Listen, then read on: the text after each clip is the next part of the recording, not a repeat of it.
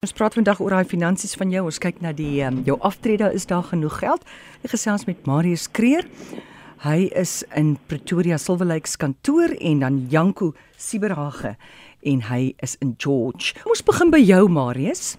Sê vir my, hoe weet mens of jy genoeg geld gaan hê vir jou aftrede? Dit is so relevant vir vandag en môre want ons kyk gereeld mense sê vir ons het ek genoeg geld om af te tree en persoon af klaar getree het vra vir ons hoorie man gaan my self doen en ek dink die grootste fout wat mense maak hulle soek 'n randwaarde wat hulle dink is genoeg. Met ander woorde so ek het nou bymekaar gemaak met pensioen 7.5 miljoen en ek het dan nog 'n bietjie slaap op die bank en ek het ander belegging. So my kap met totaal is 12 miljoen. Gaan dit hou? Dis die regte vraag nie.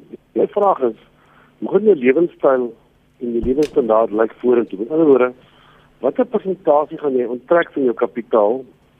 Want dit gaan al op jy genoeg kapitaal wat aftree jy dan jy dit afgetree of jou kapitaal hou.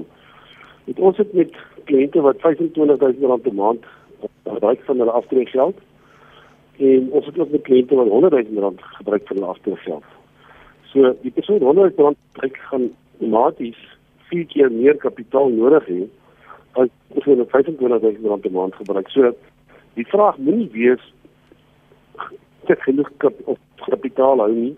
Dit die, die vraag is eintlik wat is my lewensstandaard wat ek wil handhaaf?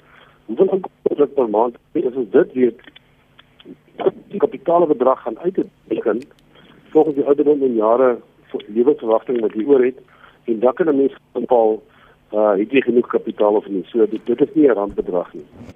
Janko, wat is die verhouding tussen die inkomstebehoefte en die kapitaalbedrag wat benodig word en hoe moet dit betaal word? Ja, baie dankie aan môre en môre ook aan al die luisteraars. Ehm um, ja, soos Marius genoem het, ehm um, fokus kliënte baie keer op die randbedrag. Ehm um, wat nie eintlik die belangrike gedeelte is nie. So ek wil maar net voor ek begin sê elkeen se situasie is anders en verskillend. Ehm uh, so jy kan ongelukkig nie almal onder dieselfde kans keer nie. Maar daar is 'n algemene industrie reël wat sê as jy 'n persoon is wat nou op aftrede staan en sê nou maar jou ouderdom is 60 of 65 jaar oud, moet jy probeer om nie meer as 5% van jou kapitaalwaarde te trek as 'n inkomste nie, want jou kapitaal moet vir kom ons sê die volgende plus 30 jaar. Nou om dit eenvoudig te probeer verduidelik, kom ons sê 'n persoon se aftreepot geld is omtrent so 10 miljoen rand en 50% van daai 10 miljoen rand is omtrent 500 000 rand per jaar. So dis so 40 000 rand plus minus per maand. So die persoon moet nie meer as 40 000 rand per maand se inkomste trek nie en dan is hy onder die 5% algemene industrie reël wat 'n veilige onttrekkingskoers is. Ek dink wat belangrik is op hierdie punt en wat ons baie keer sien kliënte ehm um, fouteer is om te sê luister maar ek kry byvoorbeeld R40000 elke maand in my bankrekening in. OK, ek het 10 miljoen rand se kapitaal beskikbaar so ek trek nie meer as 5% per jaar nie, ek is veilig. Maar dan neem hulle nie die impak van belasting in ag nie. Ehm um, so baie keer as jy byvoorbeeld R40000 in jou in jou sagte inkomste kry, sal jou voorbelaste inkomste dalk R50000 byvoorbeeld per maand wees. En op 'n R50000 per maand wat jy trek as 'n inkomste, is jou onttrekkingskoers dan eintlik 6% en nie 5% nie. So ek dink dis 'n baie belangrike beginsel vir persone en en afgetrede persone om na te kyk, om te kyk maar wat is my onttrekkingskoers op my voorbelaste inkomste. En, en dan as mens eenvoudig verduidelik, sê nou maar jy het 10 miljoen en jou uh groei is 9% per jaar. So dis kom ons sê 900 000 rand en jy trek nou daai inkomste van 500 000 rand per jaar. Dan groei jou kapitaal eintlik met die 400 000 wat die verskil is tussen die 900 en die 500 000 rand per jaar. So na jaar 1 in plaas van dat jou belegging nou 10 miljoen rand is, is hy argument ondalwe 10.4 miljoen rand. Wat beteken jy hou eintlik by met inflasie. So jy raak nie noodwendig ehm um, ryker nie, maar ek dink die belangrike gedeelte is jy raak ook nie noodwendig ehm um, armer nie. En dit eintlik maar wat ons probeer hmm. regkry met afgetrede persone se geld is eintlik dat ehm um, hulle geld hulle oorleef. Ek dink dit is belangrik. Goed, Marius, wat is die implikasie as ek nou meer inkomste benodig om van te lewe as die 5%? Ja, dit is 'n probleem. Die eerste die eerste probleem is natuurlik uh, jou kapitaal gaan nie so lank hou as jy gedink het gaan hou nie, want as jy 'n hoë persentasie trek, dan gaan jy meer van jou kapitaal gebruik. Maar kom ons neem nou ehm uh, jy kan 'n verskillende uh, onttrekkingskoerse uh, is is kan mens gebruik, maar kom ons vat 'n voorbeeld van 'n uh, aanname van 'n uh, 5% inflasie en 'n groei van 9%, met ander woorde inflasie plus 4% en ons werk op 'n 'n 10 miljoen bedrag. Indien hierdie persoon 4% trek, dit nooit opraak nie. Hy trek 33000 rand per maand. Indien hy 5% trek, sy kapitaal 40 jaar. Hy trek 40000 rand. Nou moet jy kyk die verskil wat dit gaan wat gebeur tussen 5 en 6%. As hy 1% meer trek, dan as sy kapitaal net 25 jaar, met ander 15 jaar minder, hy trek nou 50000 per maand. Indien hy 8% trek, gaan sy kapitaal net 15 jaar hou. Met ander 2% meer wat jy trek, maak 'n groot verskil. Nou is daar 'n paar goed wat 'n mens kan doen om te probeer om hierdie ding uh nie om te draai nie, maar beter in 'n beter situasie te kry. Um gelukkig is mense in 'n situasie dat jy nie vir 30 jaar lank dieselfde inkomste gebruik wat jy nou gebruik en inflasie aanpassing doen nie. Ons weet nou maar mense gaan baie keer na aftrek oor toe, baie keer vir die kinders, jy mag nie meer of hulle vat jou karseels af, mag dit nooit gebeur met my nie. Ehm um, of weet jy is wel net 'n situasie waar jy minder geld spandeer aan reis en uh, miskien kos en jou grootste uitgawes is eintlik maar mediese in jou in jou verblyf. Maar omdat jy nie kan beplan daarvoor nie, kan 'n mens nie nou begin sê maar goed, ek gaan nou meer van my kapitaal gebruik omdat ek weet ek gaan later minder gebruik. Hmm. Maar gelukkig is dit die die reël dat 'n mens minder gebruik op 'n stadium. En dan is natuurlik as jy dit kan regkry, ehm um, om vir die eerste paar jaar nie verhoging te neem nie. Ehm kan jy gaan jy regte om bietjie bevinniger kapitaal te bou. En dan baie jare as 'n mens in so 'n situasie wat jy voel jy kan dit nog hanteer, vat glad nie verhoging nie. En die volgende jaar vat jy miskien in plaas van 'n 5% aanpassing, vat jy 3% aanpassing. So die groot boodskap is jy moet daai ding bestuur soos wat jy aangaan in jou lewe. En jy het gewoonlik 'n adviseur nodig wat vir jou advies gee oor hoe jy kan kontant vlei doen. En saam met jou die pad loop en advies gee oor wat moet jy nou maak hierdie jaar? Die ander fout wat mense natuurlik maak is ehm um, hulle neem 'n persentasie van hulle inkomste wat reg is, maar hulle bereken, hulle kyk nooit na die bedrag nie. Hulle sê ek soek 4%, maar 4% verteenwoordig kom ons sê nou 25000 rand. Maar nou groei my portefeulje hierdie jaar met 20%. Dan vat ek volgende jaar weer 4%. Met ander woorde, ek het eintlik myself 'n 20% verhoging gegee. Jy moet dit doen. Hmm. Jy moet 25000 rand vat en dan moet jy vir jouself sê, ek gaan net 4% verhoging op 25000 rand vat. Want daai 20% groei wat jy hierdie jaar gehad het, is 'n buffer vir laas jaar se swakker groei of volgende jaar se swakker groei het gekom. Dat jy gemiddeld moet mee gewees. En dis dis een van die foute wat baie mense maak. Hulle vat 'n vaste persentasie. So as die mark vir 3, 4 jaar goed doen, dan vat hulle sommer 10, 12% per jaar verhoging. En dan raak hulle gewoond aan uitgawes en dit is baie moeiliker om uitgawes te sny as 'n mens eers gewoond is daaraan. En dan kom maar 'n paar moeilike jare en dan is hulle moeilikheid want ek dink hulle is nou gewoond aan 'n 10, 12% verhoging elke keer en hulle gebruik al eintlik al as jy na die kontantie kyk heeltemal te veel van waar hulle moet gewees het oor 'n paar jaar omdat hulle 'n klomp goeie jare gehad. So dit van die foute wat die mense maak. Uh as jy natuurlik ouer as 70 raak, dan kan jy begin meer as 4% trek. Want jou lewensverwagting is tog soveel korter. Uh en as jy dan 75 raak, dan kan jy 8% trek van jou portefeulje. Dan die kans dat jy dan jou portefeulje gaan leeg trek is dan eintlik redelik skraal. So mense moet hierdie ding bestuur maar dit jy's nie noodwendig dood in die water hmm. as jy nou in 'n situasie kom wat jy sê ek moet 6% trek maar jy sê ek mag eintlik net 4% trek. Is 'n manier om hierdie goed te bestuur. Ehm um, baie keer moet jy mens maar net jou lewensstandaard 'n bietjie af, afskaal. Van seker goed ontslaa raak wat baie mense doen te koop 'n duur eiendom en, en hulle beweeg na 'n goedkoper plek toe na aftrek of 'n ander plek en hulle het daai addisionele kapitaal wat hulle by hulle kapitaal inspuit kan gee om nou seker te maak hulle bly by die by die uh, spesifieke koers wat hulle um, moet bybly om te maak seker te maak die kapitaal hou.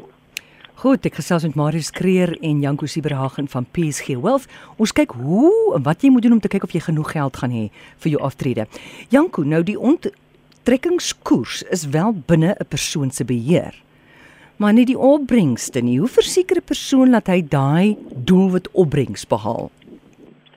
Ja, ek dink dit is ehm um, eintlik al soos die Engelsman sal sê die million dollar question ehm um, om rein ons ek wil ons sien dit baie by ons kliënte en persone wat sê luister maar ehm um, my onttrekkingskoers is binne beheer maar my opbrengs is nie ehm um, wat ek ontvang is nie is nie na wense nie. So ongelukkig is niks in die lewe seker nie behalwe dood en belasting. Um, maar ons glo steeds daar's daar's baie goed wat wel binne jou beheer is um, om jou kans vir sukses te vergroot. Uh, ek dink die eerste een is afgetrede persone moet probeer baie van hulle anders te dink oor risiko en en dit bietjie anders te definieer want wat ons sien en vind is persone kom by ons en dan sê byvoorbeeld 60 of 65 en nou sê hy luister ek het nou hierdie geld bymekaar gemaak. Ehm um, ek is ouer, ek kan nou eintlik geen meer uh risiko vat om hierdie kapitaal kapitaal te verloor nie. So ek soek 'n tipe van 'n gewaarborgde belegging of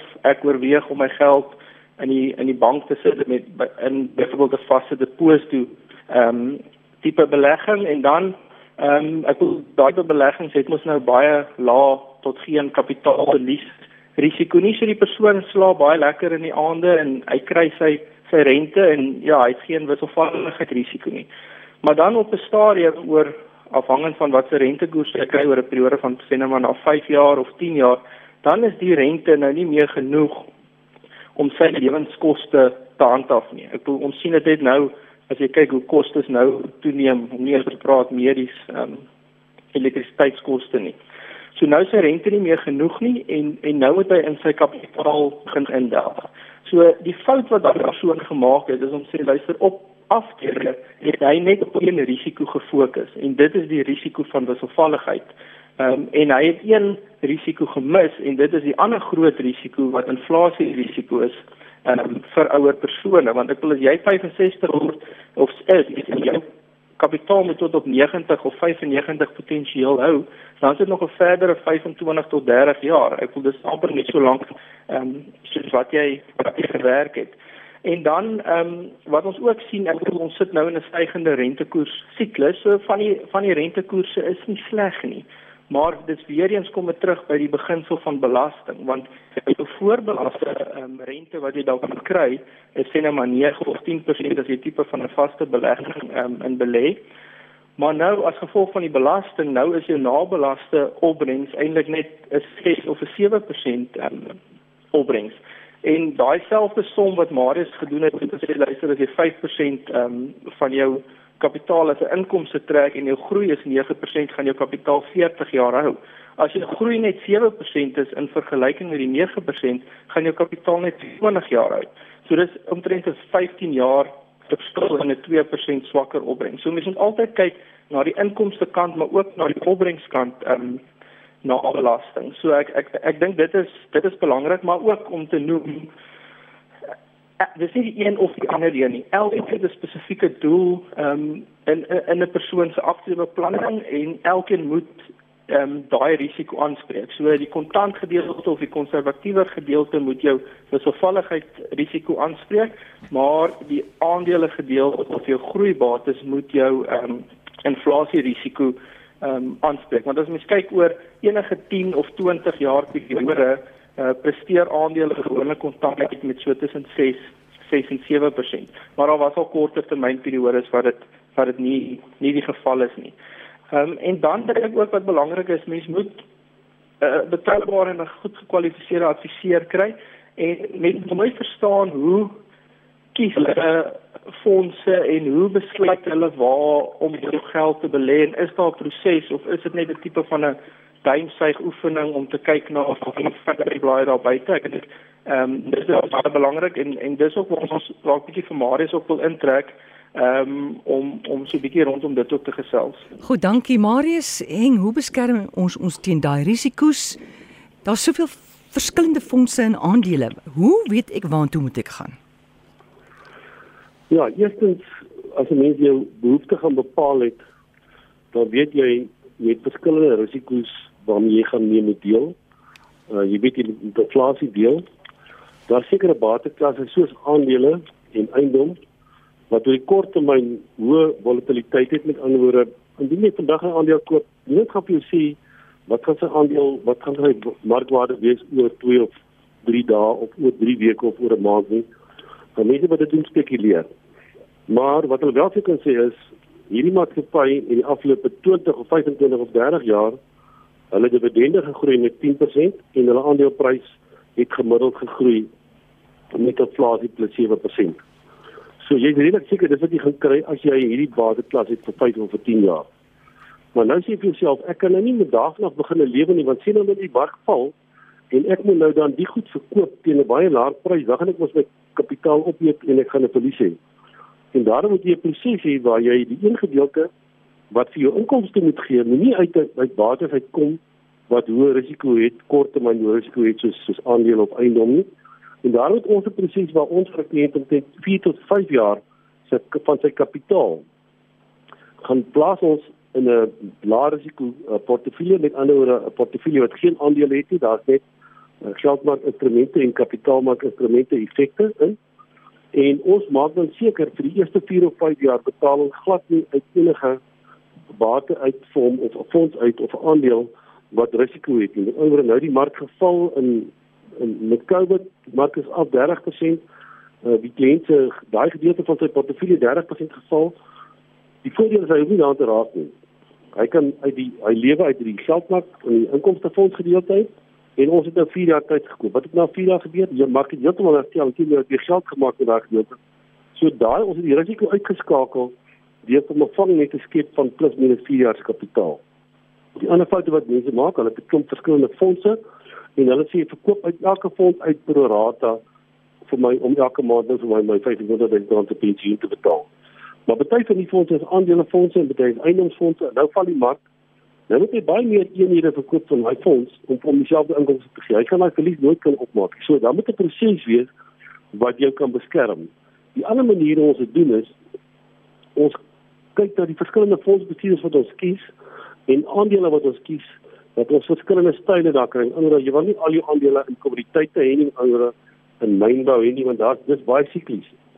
As as kommoditeite se pryse opgaan, hardloop daai goed se aandele waarde op en as as die wêreld in 'n resessie gaan en daai goed se pryse val, dan val daai goed weer hierdie mat. So jy wil nie net in een in een sektor wees nie, maar jy wil ook nie begin fondsbestuur wees. Die manier hoe ons dit doen is ek gebruik altyd die analogie van uh, ek ek en Janko is nou op die golfspelers ons is baie lief vir golf.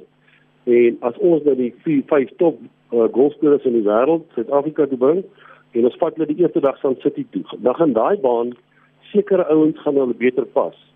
As ons 'n braai in Desember vat met die bal verslaan dan weet ons hy slaan hom ook ver in die bosse. So as hy daar ver in die bosse slaan gaan hy dood wees. So dit gaan nie vir hom werk nie. Legal station as ons die volgende dag na Pinnacle Point toe vat waar die windvrees wat waai, gaan nie heel gewoonlik daai ding want hy het in die wind groot geword. Hy het daar groot geword. Hy het neemlik daai baan van hom beter pas. Maar wat ons sê is ons weet nie hoe lyk volgende jaar se baan nie. En daarom kies ons verskillende fondsbestuurders met verskillende style wat ons weet dat ons gaan die risiko laer maak. Want as jy nou hierdie jaar swakker doen omdat die baan waar hy speel pas hom nie, is daar 'n paar anders wat wat beter doen daarso. So dit is een manier jy moet jou risiko versprei deur verskillende style in jou portefeulje in te bring. Dis maar dieselfde met aandele. Dit is dieselfde met plaaslik en buiteland. Dit is dieselfde selfde met ge geografies hoe jy geld in die buiteland geplaas is en wie is baie se baie sektore. So daar's 'n paar maniere hoe jy jou risiko kan bestuur en en en en en en afbestuur, maar die grootste voordeel is jy op die grootste uh, faktor gaan wees is is daar 'n goeie proses wat my beskerm as die markte teen my draai as markte val uh en ons het so 'n proses en ek dink dit is belangrik vir mense om dit te doen. Dankie, jy kan miskien net aansluit hierso as jy wil. Ja, dankie Marius. Ehm um, dis nogal interessant. Ek wil ons sien baie keer nuwe persone wat ons kom en vra hulle maar maar vra ons hulle luister maar hoe hulle sê toe hulle hulle vroeër geadviseer gaan sien het en die plan in plek gesit het, was die feite blaai wat hulle gesien het was 15-20% per jaar vir die laaste 3 jaar en dit is nie wat hulle ehm um, ervaar het nie. Ehm um, en ek dink dit is een van die grootste foute wat mense kan maak is om historiese opbrengste oor die toekoms uh, te projekteer. Ons het bietjie gaan kyk en om dit te illustreer het ons kyk na ehm um, watse aandelefonds, plaaslike aandelefonds het die heel beste opbrengs gelewer oor die laaste uh, 12 maande. Ehm um, en en daar's omtrent 219 fondse plus minus wat in daai kategorie ehm um, val. Nou daai spesifieke fonds, ek kan nie nou noem nie, maar daai spesifieke fonds wat die heel beste presteer het ehm um, uit die 219 fondse vir die laaste jaar was oor 5 jaar het teenoor 177ste uit 219 fondse. Ehm um, en dan aan die ander kant die, die minste die die fonds wat die wat die beste oor die laaste 5 jaar presteer het was weer 173ste uit 219 fondse net oor die laaste 12 maande. Wat jy maar net weer illustreer die beleggingswêreld, um, dit is nie so eenvoudig en so voor die hand liggend om net te gaan sê luister, ek gaan die fonds kies wat die beste presteer in die laaste 12 maande en hy gaan ehm um, vir die volgende 12 maande ook ook die beste presteer nie. Ehm um, 'n ander ding waarna ons ook gaan kyk het om 'n bietjie hierdie punt te illustreer is as mens kyk na die lande se aandelebeurse wat wat die beste en die swakste presteer het ehm um, sedert die begin van die jaar tot tot op vandag se datum ehm um, is die een wat die beste gedoen het ek dink sal sal niemand van die luisteraars eintlik regraai nie maar wat eintlik Turkye gewees. Ek bedoel hulle sit met inflasie van 80% omtrent en hulle aandelebeurs is 38% op vir die jaar Ehm um, ander land wat in die top 3 is was Chili geweest en Brasil. Nou ek wil hierdie lande is in geen wêreld 'n perfekte land en ek wil hulle het hulle eie politieke uitdagings, hulle eie rentekoers uitdagings, hulle eie inflasie uitdagings. Maar ek wil sê dat die begin van die jaar tot nou is hierdie lande wat se aandelebeurse die beste gedoen het. Ehm um, as ons kyk aan die aan die ander kant, die swakker kant, ek wil ek dink die land wat die swakste presteer het sal sal luisteraars dalk kan regraai ehm um, want dit is as gevolg van 'n baie spesifieke rede was Rusland gewees as gevolg van die oorlog.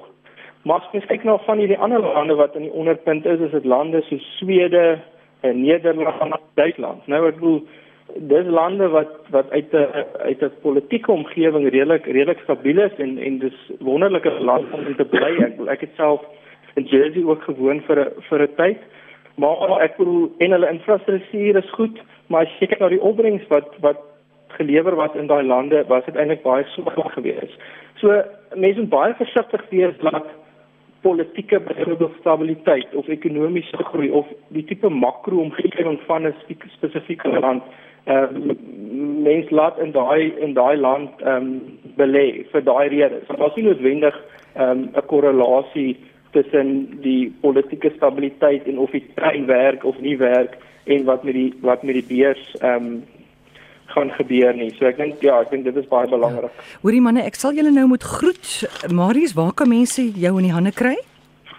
Hulle kan my skakel by ons nasionale nommer 0861 348190 of hulle kan by e-pos stuur marius.kreer by psg.za. Sien op die webwerf en ehm um, ek kan ook ek sien ook vir Jak Janko uh die hulle kan hanteer of hulle kan vir hom Janko positiewe raak by PSC en sien op die kontak